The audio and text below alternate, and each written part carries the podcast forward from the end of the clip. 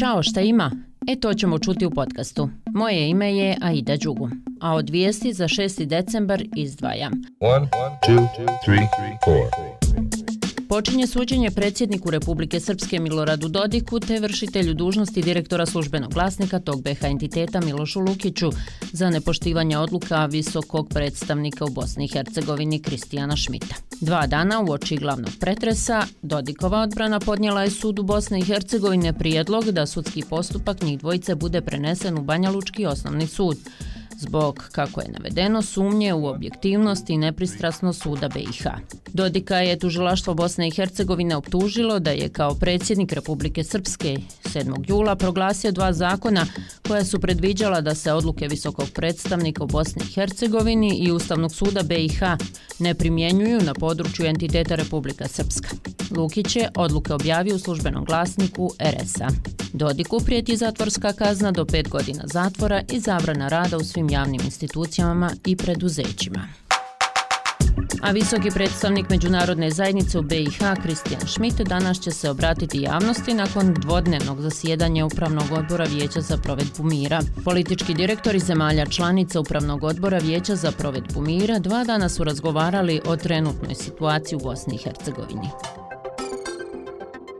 Ruski predsjednik Vladimir Putin posjetit će Saudijsku Arabiju i Jedinjene Arabske Emirate, saopštio je Kremlj. Kako je navedeno, ruski predsjednik razgovaraće o bilateralnim odnosima o sukobu između Izraela i Hamasa i međunarodnoj politici. Port parol Kremlja Dmitrij Peskov rekao je da će Putin tokom posjete razgovarati o tržištima nafte.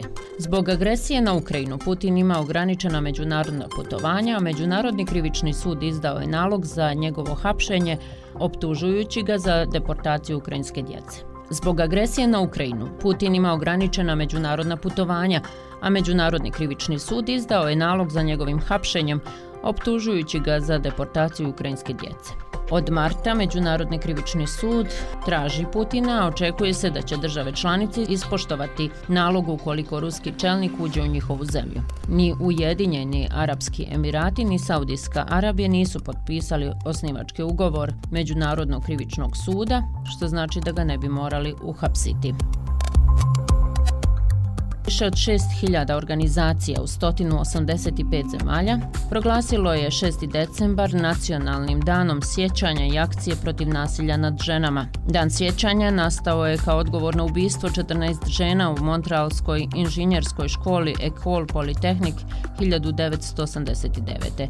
Poznat kao Montrealski masakr, ovaj brutalni čin femicida razotkrio je ekstremne načine na koje se može manifestovati mržnja zasnovana narodnom identitetu identitetu. To je dio 16-dnevne globalne aktivističke kampanje za okončanje rodno zasnovanog nasilja.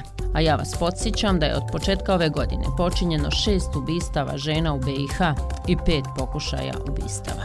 Golem problem koji hitno traži rješenje.